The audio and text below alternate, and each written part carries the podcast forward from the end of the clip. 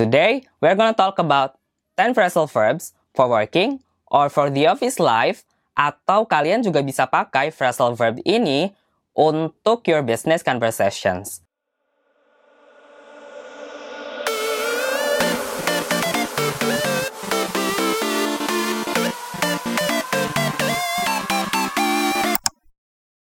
Hai warga beringgris, gimana kabarnya nih guys? Semoga kalian hari ini baik-baik aja ya. And thank you guys for coming back to this channel.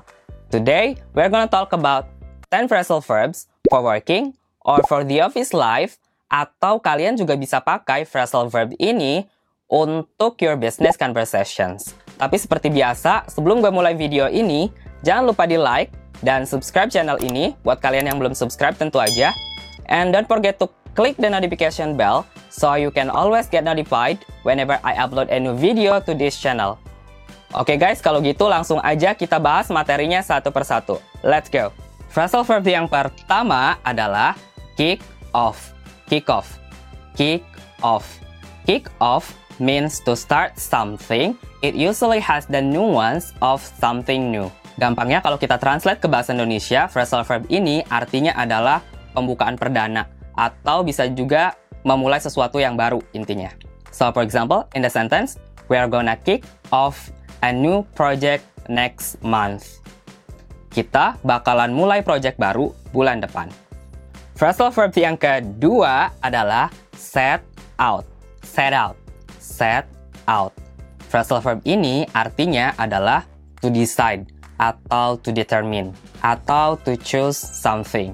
Intinya sih phrasal verb ini adalah digunakan untuk ketika kita pengen ngomong memutuskan atau juga bisa memilih. Contohnya misalnya kayak gini. We need to set out some guidelines for this project. Kita perlu membuat beberapa guidelines untuk project ini. Next phrasal verbs atau phrasal verbs yang ketiga adalah check in, check in, check in. Phrasal verb ini artinya adalah mengupdate sesuatu. So, for example, in the sentence, What time should we check in about this project? Jam berapa kita semestinya update project ini? Jadi kalian bisa pakai check in about something kalau kalian ingin mengupdate sesuatu atau kalian bisa pakai check in with someone kalau kalian ingin mengupdate dengan seseorang. And please remember, kalau check-in di sini itu beda dengan check-in to a hotel. It's totally different. Beda konteks ya. Yang keempat adalah go over atau go through. Phrasal verb ini artinya kalau di bahasa Indonesia-in lebih ke nge-review in more detail. Contohnya misalnya kayak gini. I wanna go over atau go through the latest draft with you. Gue mau nge-review secara detail nih perkembangan draft terakhir dengan dengan lo. Phrasal verb yang kelima adalah start up. Start up. Start up. Pronunciasinya mesti dipisah ya. Start up. Kalau disambungkan startup itu nouns yang artinya perusahaan rintisan. Jadi kalau di sini start up yang artinya hampir sama aja kayak kick off yaitu artinya to begin something. Jadi misalnya contohnya kayak gini. We should start up some new policies this year kita perlu bikin beberapa aturan baru untuk tahun ini. Phrasal verb yang ke-6 adalah clock in and clock out. Phrasal verb ini pasti udah nggak asing sih buat kalian yang bekerja di office. Di mana clock in itu artinya check roll masuk, sedangkan clock out itu artinya check roll pulang. Jadi, misalnya in the sentence kayak gini. It's important to clock in and clock out at the same time every day. Penting deh untuk cek roll masuk dan cek roll pulang selalu sama jamnya setiap harinya. Jadi kita nggak telat. Phrasal verb yang ke-7 adalah call back. Call back. Call back. Phrasal verb ini artinya ya nelpon balik. Contohnya misalnya kayak gini. I will call you back later. Gue bakalan telepon lo balik nanti. Jadi untuk call back, kalian bisa penggal kata-katanya call ke siapa, terus back.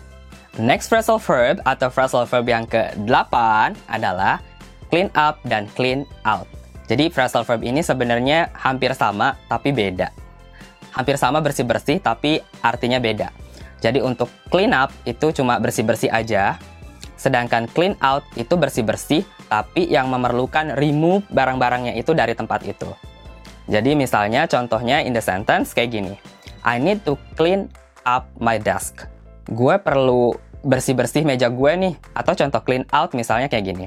I need to clean out my desk because tomorrow is my last day. Jadi kalau misalnya kayak mau resign gitu, itu beres-beresnya clean out karena di remove semua barang-barangnya dari tempat itu. Lanjut ke phrasal verbs yang ke-9. Send over, send over, send over. Phrasal verb ini artinya yaitu mengirim email atau juga bisa mengirim sesuatu secara fisik. Contohnya misalnya kayak gini, please send the document over. Tolong kirim dokumen-dokumen ini. Atau contoh lain misalnya, hey, can you send over the updated files to me? Hey, lo bisa kirim update filenya nggak ke gue? Kayak gitu. Phrasal verb yang terakhir atau yang ke-10 adalah make up. Make up. Make up. Ingat pronunciation-nya mesti dipisah ya, make up. Jadi bukan makeup. Kalau makeup kan noun yang artinya merias wajah. Jadi make up di sini atau phrasal verb ini itu artinya to compensate atau to fix the problem.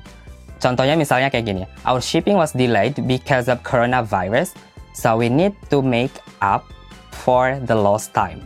Jadi pengiriman kita delay nih gara-gara coronavirus. Kita mesti fix the problem tentang lost time-nya, kayak gitu. Alright guys, those are the 10 of phrasal verbs that you can use for working or for the office life, or for your business conversations. I hope today's video is useful for you. And if you have any questions related to these lessons, please be sure to let me know in the comment section below. And if you find this video is helpful for you, don't forget to give me a thumbs up and subscribe to this channel. I'll see you guys soon in the next video. Bye!